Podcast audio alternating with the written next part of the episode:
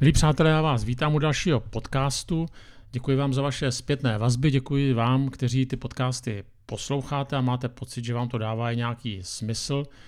Eh, jsem taky rád, že ta kvalita zvuku je lepší, tak jsem vděčný tomu, kdo mi vlastně přispěl na to, abych mohl eh, používat lepší techniku a tím se tedy zlepšila i ta poslouchatelnost.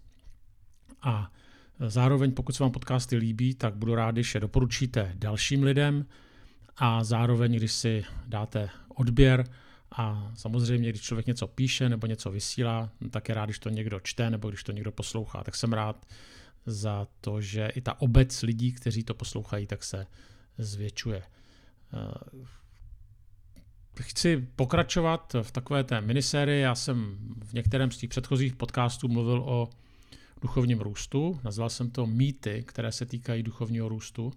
Já bych teďka chtěl na to volně navázat s tím, že bych chtěl ukázat několik oblastí, které jsem nazval znaky duchovního růstu. Co vlastně znamená, že člověk duchovně roste? Samozřejmě problém je, že tyhle ty věci jsou těžko měřitelné, nemůžeme je měřit tak jako fyzikální veličiny a říct, že člověk prostě vyrost duchovně a teďka to věřit, měřit to v nějakých jednotkách, to samozřejmě neexistuje. Zároveň si myslím, že, ukaz, že jsou určité ukazatele nebo směrovky, které přece jenom ukazují na to, že se člověk nějakým způsobem může posouvat. A já bych chtěl některé z těch ukazatelů pojmenovat a společně s vámi se jim teda věnovat trošku více. Bude jich devět, takže on by každý z nich snesl samostatný podcast, tak eh, se tedy budu každému z nich věnovat jenom zběžně. Ale myslím si, že už jenom to, že pojmenujeme, má svůj význam, svůj smysl. První ukazatel je schopnost vyrovnat se s krizemi. Krize v lidském životě není nic mimořádného. To všichni víme. Každý z nás někdy nějakou krizí prošel. Ty krize mohou být vztahové, jsou to krize, které můžou plynout ale nejenom ze vztahu, ale třeba z toho, že nás vyhodí z práce, nebo že přijdeme o práci, ty krize můžou přicházet z toho, že člověk onemocní, nebo že onemocní někdo z jeho blízkých. Prostě jsou to většinou události, které jsou nečekané, anebo které i čekáme, ale prostě nás zraní a my se s nimi těžko vyrovnáváme. To znamená, na jednu stranu se nejedná o žádnou mimořádnou událost, na stranu druhou, když krizí procházíme, tak to pro nás něco mimořádného je. A často až zpětně, když to jsme schopni nějak vyhodnotit, tak vlastně si uvědomíme, že nás ta krize někde posunula, ale není to pravidlo, někdy nás krize nebo nějaká nečekaná těžká událost může zlomit. Zároveň, pokud člověk, a to je důležitá věta, kterou teďka řeknu, pokud člověk chce ve svém životě dospět k, nové životní etapě, tak musí bezpodmínečně opustit tu starou. Když chce založit eh, rodinu, když chce vstoupit do manželství, musí se bezpodmínečně rozejít se svými rodiči. To neznamená, že nemá rád, to znamená, že rodiče nebude podporovat, to neznamená, že se s nimi nebude scházet, ale prostě už nepatřím mamince a tatínkovi. Musím nastoupit novou etapu. Zároveň, když jsem rodič a ty děti vyletějí z hnízda, tak pokud zase chci se nějakým způsobem vyrovnat s tím syndromem prázdného hnízda, tak ty děti musím nechat jít a musím jim dát svobodu. Takhle bych mohl pokračovat. Každý věk, každá etapa života má svoje výzvy, jedinečné výzvy a je potřeba, abych je dokázal přijmout, ale zároveň, abych se od nich dokázal časem odpoutat. Člověk opouští dětství, aby mohl vstoupit do dospělosti musí opustit určitou závislost, kterou měl jako dítě, aby se stal nezávislým. Ale musí to přijmout ze vším všudy. Nejde to tak, že chci být nezávislý na rodičích, ale chci jenom v uvozovkách to, aby, mi, aby za mě platili účty. Do určitého věku je to v pořádku, ale jenom do určitého věku. To znamená, člověk musí přijmout určitou odpovědnost při budování zralých, trvalých a zodpovědných vztahů s druhými lidmi. Nemůže přijmout syndrom oběti, házet věci na okolnosti, na druhé lidi, na okolí a tak dále. Podobné je to v duchovním životě. V duchovním životě, k duchovnímu životu patří krize, patří tam i určitá krize růstu. Zároveň člověk právě, když ta, když ta krize přichází, tak se může otevírat novým výzvám, novým duchovním prostorům. A v těchto krizích, když si člověk trošku hrábne na dno, tak se očišťuje od určitého sobectví, od soběstřednosti a zároveň se mu otevírají nové horizonty, nové možnosti, nové obzory. Myslím si, že je dobré si někdy také uvědomit zpětně, jak mě některé krize posunuly v životě dál a když krize přichází, tak z toho nedělat příliš velkou tragédii. Jakkoliv vím, že krize souvisí velmi často s bolestí, s nečekanými událostmi a když tím člověk musí projít, tak to vůbec není jednoduché. Ale, jak jsem říkal, určitá známka duchovního růstu je, že člověk se s krizemi je schopen vyrovnat. Druhá známka duchovního růstu je schopnost reprodukce. Platí, že to, co je, nebo jenom to, co je dospělé, má schopnost se reprodukovat. No, pokud je to tedy dospělé, je to zdravé. Jo, myslím teďka ten organický svět. Tohle je jeden z základních rozdílů mezi organickým a anorganickým světem. Náš život jednou skončí, ale ty naše myšlenky budou mít možnost pokračovat v dalším životě. V životě dětí, v životě našich potomků. A tohle to platí nejenom v tom rodinném životě, ve vztahu rodiče, děti, prarodiče a vnoučata, ale i v duchovním životě, v tom našem prostředí tady tomu procesu říkáme učenictví. Když jeden druhému předáváme dál, co jsme přijali od Krista. Když je učíme následovat Krista. Je třeba vědět, že druzí se nejvíce naučí, jako lidé se nejvíce naučíme skrze příklad, více než skrze slova. Předáváme především to, kdo jsme, a ne to, co víme. A nebo předáváme to, co víme, ale jenom v kontextu toho, nebo především v kontextu toho, kdo jsme. Znalosti jsou důležité, ale při formování druhých lidí nejsou rozhodující. Lyman Coleman v knize Mistrův plán zvěstování Evangelia napsal, Ježíš přišel zřídit Boží království. Potřeboval lidi, kteří by zástupy vedli. Zástupy zmatených a rozhádaných lidí by ho byli hotovi následovat, ale Ježíš sám by nebyl schopen poskytnout jim osobní péči. Jeho jedinou nadějí bylo získat lidi, kteří to udělají za něj. Učenictví, duchovní doprovázení, můžeme tomu říkat, jak chceme, není především o metodách, už vůbec ne o tom, že předáváme nějaké myšlenky, to taky samozřejmě, ale nejenom, ale především je to o vpuštění druhých do života. O otevření se těm, které chceme duchovně doprovázet. Je to jednoduché. Učenictví nebo duchovní doprovázení je vlastně nemlčet o tom, co pro mě udělal Kristus. A ono nemlčení tkví v předávání našeho života. Je to předávání zkušeností víry z cesty za Ježíšem.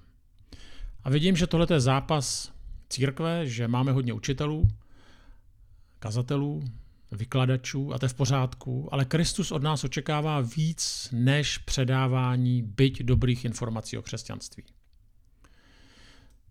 Naše kultura je postavená na slovech, na informacích a někdy tak naivně důvěřujeme, že skutečná změna přijde skrze to, že to někomu docvakne, že to někdo pochopí když mu dáme správné informace, když mu budeme kázat, když ho budeme vyučovat. To je pravda, ale jenom z části. Totiž člověk je mnohem víc než jenom chodící rozum. A poštol Pavel, když psal do Korintu, tak mluví o dvou skupinách lidí.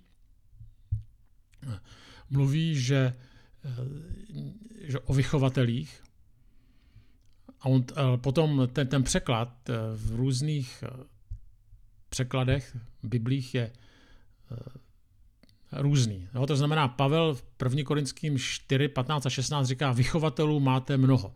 A teďka anglicky je to guardians, to NIV, nebo instructors, King James Version, nebo New American Standard, trainers, tak to ani musím překládat, jo? guardians, jako garden, jako, jako to guard, někoho chránit, instruktor, King James Version, trainers, trenér, American Standard, nebo Bible kralická má pěstoun, řečtina má paidagogos, vulgáta mana pedagogus. Tak Pavel říká, těch, kteří vás chrání, guardians, nebo instruktorů, trenérů, pěstounů, pedagogů, máte hodně. Všechny tady ty výrazy ukazují na někoho, kdo se stará, kdo postihne mnoho složek lidské osobnosti, to znamená trénink, ochranu, pedagogický výcvik, pomoc při směřování, ale říká, ale otců máte mnoho, málo. A k tomu se přirovnává Pavel. Otec ten jde za tyhle ty dobré a potřebné oblasti. A to je ten základní rozdíl mezi trenérem, vychovatelem, pedagogem a otcem. Ten základní rozdíl je v odstupu. A učednictví právě znamená něco jiného, než být pěstoun, pedagog, trenér nebo trenér nebo instruktor. Máme být otcem. A to je duchovní doprovázení. Když se podíváme i do Bible, tak vidíme Mojžíše, Jozueho, nebo Eliáš, Elíša, Pavel, Timoteus, Ježíš, Petr, Apollo, Priscila, Aquila. Jo, tady vidíme různé dvojice v Bibli hmm. a tady vidíme, jak, že to je skutečně, že ti lidé, kteří tedy byli, ti, kteří předávali, tak dali víc než především nebo jenom instrukce. Ty instrukce jsou taky důležité, ale není to jenom o nich. To znamená, že jeden z těch také z ukazatelů duchovního růstu je schopnost se reprodukovat. Já nechci teďka tady říkat nějaký systém, někdy to prostě znamená jenom se s někým občas sejít a předávat mu kus sebe, kus svého života a mluvit s ním o Kristu. Někdy v tom může být i v nějakém systému. Jo, ale ten druhý rozměr je schopnost reprodukce. Duchovní. Další známka duchovního růstu je potřeba brát. To znamená potřeba vytvářet podmínky pro další růst i pro sebe sama. Abych mohl dávat, musím také někde brát. Zase, když mluvíme o organismu, tak platí, že organismus, který nemá potřebné živiny, tak postupně zakrní a nakonec uschne nebo zemře. A ten důvod nemusí být jenom, že nejsou žádné zdroje, žádné vitamíny nebo žádné živiny, ale můžou to být také špatné živiny. Může to být nejenom žádná strava, tam pak ten organismus zemře na jakousi podvýživu, ale může to být nezdravá strava, která působí na organismus destruktivně, zhoubně a může být sebelepší kytka, když ji zasadíme do infikované půdy nebo do nějaké toxické půdy, tak ta kytka dříve nebo později umře. Ten živý organismus nepřežije, i když je sebelepší. A ta otázka zní, čím živíme svoji mysl, svoje, svoji psyché, svoji duši, co do sebe sypeme, když to takhle řeknu zjednodušeně. Když tam bude jed, tak se to projeví i na tom, jak uvažujeme, jak hodnotíme situace, jak hodnotíme okolnosti, jak mluvíme na našich vztazích. To, čím sytíme svoji duši, do velké míry určuje, jak přemýšlíme, jak se rozhodujeme podle čeho posuzujeme situaci, jak zvládáme situace, jak ale se díváme i na Boha, na víru, jak je náš život duchovní. Takže to, co je důležité, a ten známka duchovního růstu je také, že člověk je schopen svoji duši krmit kvalitní stravou. Tak si můžeme položit otázku, co dělám pro svůj duchovní, svůj duchovní růst, čím krmím svoji mysl, svoji duši. Další důležitý rozměr duchovního růstu je vyzrálost ve vztazích. Člověk, který duchovně se někde posouvá, tak se to projevuje v jeho vztazích. To je nesmírně důležité. Jsou tam takové čtyři rozměry práce nebo vyzrálosti ve vztazích. Ten první rozměr je překonat zklamání. Člověk, který je duchovně vyzrálý, musí umět překonat zklamání z druhých. To je realita. Příčinou našich zklamání bývá druhý člověk, protože druzí lidé jsou jenom lidé, nejsou to andělé. A ten, kdo se nedokáže smířit s určitým zklamáním od druhých, tak to ukazuje na to, že má nějaký problém. On si totiž vytvořil nějakou iluzi, kterou má o druhých lidech a jakmile ta iluze nějakým způsobem mm, postižena nebo dostane zabrat, tak člověk z takového stavu odchází. Samozřejmě někdy to zklamání je zcela legitimní. To zase nechci říkat, že to tak není. Když to překročí nějaký Rubikon, tak je dobré ze vztahu vystoupit nebo dotyčný ten vztah nevyhledávat. Na druhou stranu zklamání ze vztahu prostě do vztahu patří a ta vyzrálost se mimo jiné projevuje i tím, že dokážu se tady tyhle, přestali to přenést. Že v sobě nenosím nějaké pomstychtivé myšlenky, anebo že ten vztah příliš rychle neukončuji. Dále je to i schopnost snášet dvojznačnost. Realita je taková, že do druhý člověk není jenom dobrý nebo jenom zlý. A tuhle tu dvojznačnost se také člověk musí ve vztahu naučit snášet a kdo to nedokáže, tak je v nebezpečí, že si buď toho druhého příliš idealizuje, anebo naopak, že ho příliš kritizuje, že ho okamžitě zbavuje jeho hodnoty. Další schopnost ve vztazích je to, co někdo nazval promiň, že nemohu být tvým bohem. Totiž jde o to, že někdy si člověk příliš idealizuje druhého člověka a když potom zjistí, že není ideální, tak to nedokáže zkousnout. Tohle to by nikdo nepodepsal. Každý řekne, jsme jenom lidí a je to jasný. Já vím, že prostě ty zklamání přijdou a vím, že mi nemůžeš být Bohem. Žel někdy se stane to, že když potom někdo padne, nebo nějaký člověk s nějakou situaci nezvládne, který byl pro nás nějakým vzorem, ideálem, tak se z toho kácíme i my. Takže v Izraelu ve vztazích je tohle to unést, že to se může dít u lidí, kde bychom to nečekali. A to poslední je umění být sám sebou. Tak je to určitý předpoklad, abychom mohli vztahy prožívat. Eh, je to schopnost, eh, kdy na jednu stranu se otevírám tomu druhému, dávám mu kus sebe a obráceně, ale zároveň stále jsem sám sebou a nestrácím svoji identitu, svoji jedinečnost. Jo, tak to je čtvrtý rozměr vyzrálost ze vztazích práce v týmu. Další důležitý rozměr, který charakterizuje vyzrálost nebo duchovní zralost je ovládání jazyka. Myslím si, že tam se to hodně projevuje. Když se podíváme do Bible, tak se domnívám, že jazyk je možná nejčastější nástroj, o kterém se mluví, že je nebezpečím. Především v přísloví, trošku v žalmech, v Novém zákoně to je Jakub. Jakub dokonce dává jazyk do souvislosti s dokonalostí, že kdo je mezi vámi dokonalý, ať, ať to projeví právě na svém jazyce, to jak mluví. Jako kdyby Jakub říkal, že tvoje duchovní vyzrálost se ukáže podle toho, jak ovládáš svůj jazyk.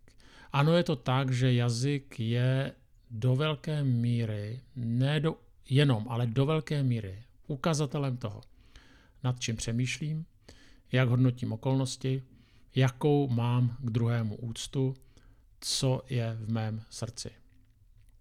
Jakub přirovnává jazyk k ohni, vidíme, víme o ohni jednu věc, že je závislý na palivu. Když, prostě, když nemá suché dříví, když nemá papír, když nemá kyslík, tak eh, nemá šanci.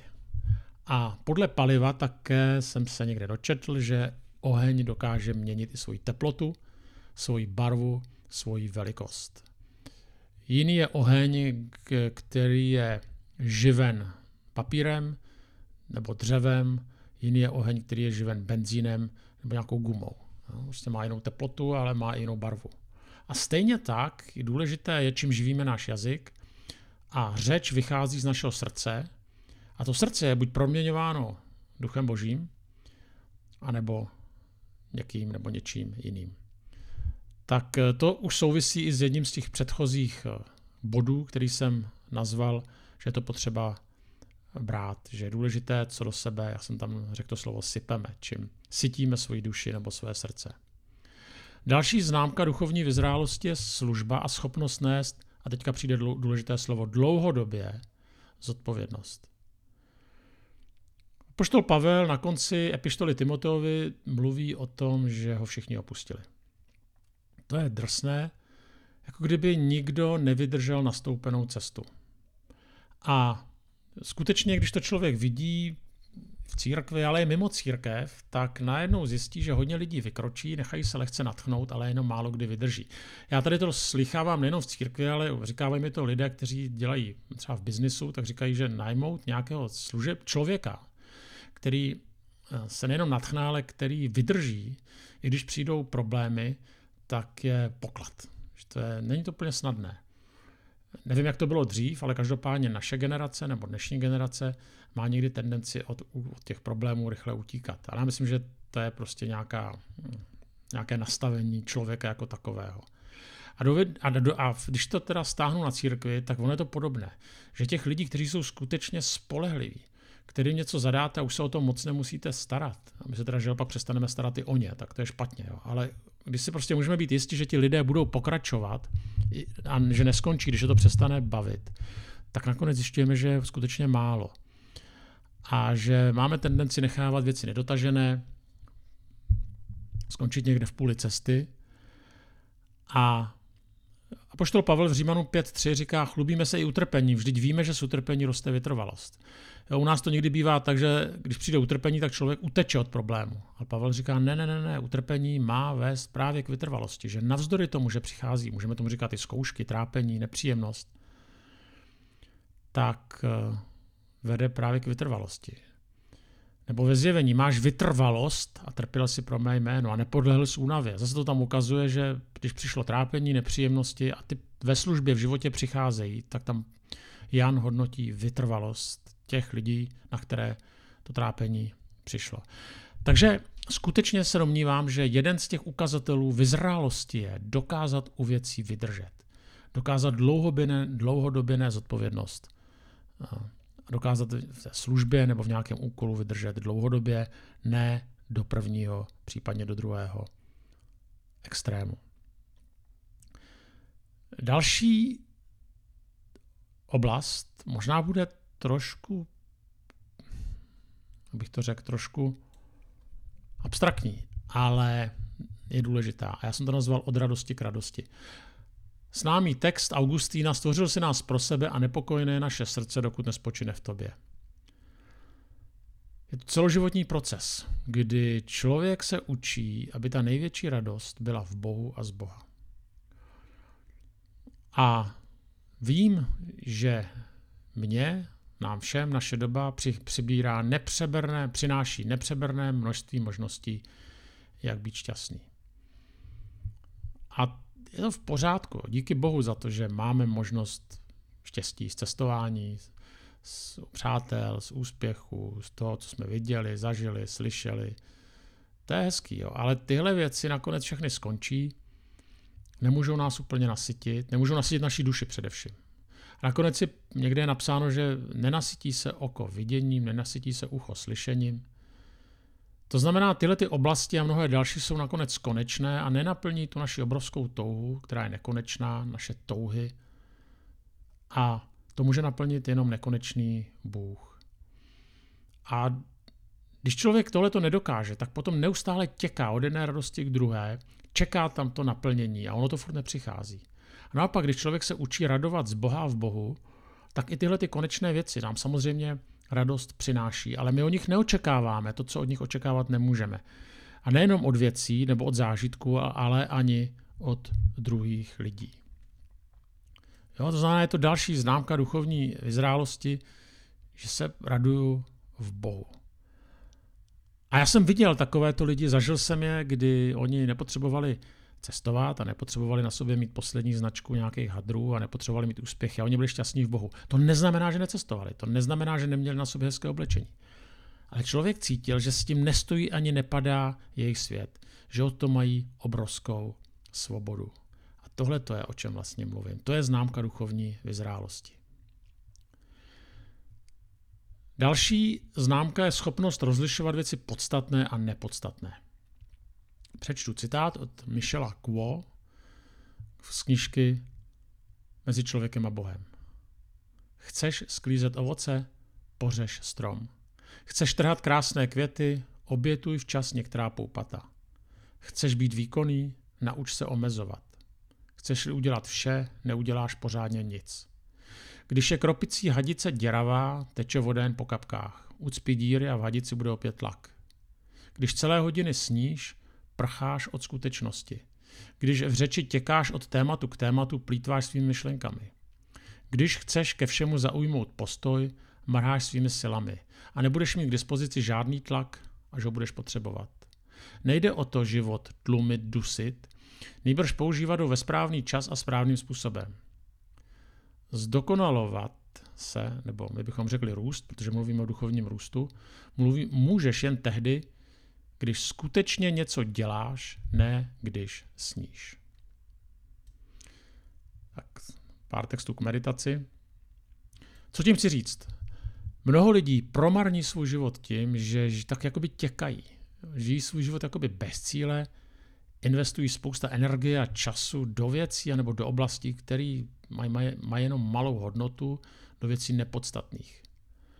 A určitá nestálost a roztěkanost je zbavuje možnosti věci dotahovat, soustředit se na věci podstatné, být v jedné chvíli na jednom místě, myslet na jednu věc. Já si to uvědomuju, že dneska je to třeba klasika na sociálních sítích, jo, že člověk by měl poslouchat přednášku, kázání a zapne si mobil. Tak zase tam není. Jo. A takový ty řeči, že jsme více směrně blbost. Jo. Člověk se má soustředit na jednu věc. A to není jenom s mobilama samozřejmě, to je ze vším. Je to schopnost být spíš jako laser, dělat tu jednu věc pořádně. A pak zase druhou věc. A jedna ze známek dospělosti nebo duchovní vyzrálosti je právě ve schopnosti určitě rozpoznat věci podstatné a těm se věnovat, ale zároveň i do těch věcí podstatných, a to je důležité, vložit nebo nap, napřít do toho svoje síly. Jo, to, a teďka ty podstatné věci nejsou jenom ty věci takzvaně duchovní. Jo. Ne, ne, ne, Pavel šil stany, třeba, mimo jiné. Je to spíš eh, životní směřování a schopnost dokázat říkat určitým činnostem ne, abych jiným mohl říkat ano. A ono to souvisí s, s určitými periodami života, takže když máte děti, kdy vás ještě ty děti poslouchají, tak eh, nebojte se, že vám uteče život. Věnujte těch pár let výchově těch dětí. Buďte s nima naplno. To nebude trvat dlouho. A řekněte některým věcem ne. Ono se to, ono se to pak jednou, nebojte se, že si pak ty věci nevrátí, až se stárnete. Když studujete, tak studujte taky naplno. To neznamená, že nemůžete žádnou brigádu, jo, ale dělejte naplno ty věci. Když posloucháte něco, něčí kázání, přednášku, dělejte to naplno. Věnujte se podstatným věcem naplno a pak přijde čas, kdy zase budete dělat jiné věci. Jinak se staneme lidmi roztříštěnými a to potom člověka samozřejmě e, vede do takové neukotvenosti. No a potom poslední věc, která také nějakým způsobem mluví o našem duchovním růstu, je to, jak zvládáme základní životní oblasti. Jak, hos, jak hospodaříme s penězi, jak hospodaříme s časem, jak zvládáme sociální sítě. Jo, to jsou běžné věci. A my někdy uvažujeme nad službou Bohu, eh, to je hezký, ale unikají nám zcela běžné věci, ty věci každodenní a někdy s náma není k vydržení doma. A právě i v určité integritě, to znamená, jak propojeme všechny oblasti života, se ukazuje, jaký je náš duchovní růst, jak jsme na tom, eh, jak jsme vyzráli duchovně, chcete-li. Ještě jednou Michel Quo. Člověk sice dobývá stále větší moci nad hmotným světem, ale je, jak se zdá, zužován rozmanitými vnějšími požadavky a proto má stále menší moc nad sebou samým. Roztříštěný člověk je člověk s rozbouřenou smyslovostí, člověk jehož emotivnost, citovost a obrazotvornost zachvátil zmatek, jehož nedisciplinované schopnosti se vymkly kontrole a každá si hledá mimo zákon ducha své uplatnění. To je ve vlastním smyslu roztříštění a rozrušení toho, co tvoří nevnitřnější podstatu člověka. Už to není člověk. Stát se opět člověkem znamená sebrat všechny síly a znovu je soustředit podle jejich správné hodnoty a podřídit je duchu. Takže ještě jednou je to základ, zvládání základních životních, a já bych řekl přízemních oblastí, jenže o tom je lidský život. Také. Tak eh, já jsem tady vyjmenoval devět znaků duchovního růstu. Jak jsem říkal, každá z nich by vydala na samostatný podcast, ale já si ještě pokusím zopakovat. Někteří jste mi taky dobře řekali, že když teda mluvím o těch věcech, eh, takovýhle, takovýhle výčet, když dávám, že je potřeba na konci to zopakovat, tak tedy tak činím. Za prvé vyrovnání se s krizemi, za druhé schopnost reprodukce, za třetí potřeba brát, vytvářet podmínky pro další růst, vyzrálost ve vztazích, práce v týmu, ovládání jazyka, služba, schopnost nést dlouhodobě zodpovědnost, radost z Boha, schopnost rozlišovat podstatné od nepodstatného, zvládání základních životních oblastí. Úplně na závěr, já si uvědomuji, že nikdo z nás tohle nemá všechno pod kontrolou a rozhodně jsem nechtěl, pokud některá z těchto oblastí není vaše silná stránka, abych vás to uvedlo do nějaké deprese nebo nějakého pocitu, že nezvládáte život. Je to zápas. Ale nikdy nám v těch zápasech pomůže to, že si některé věci pojmenujeme a zároveň, když je pojmenujeme, tak nám to dává naději, abychom je třeba zkusili dělat jinak a lépe. Tak tolik k tomu dnešnímu podcastu a tak nám přeju, abychom mohli duchovně růst a poznávat Pána Boha i díky duchovnímu růstu novým způsobem.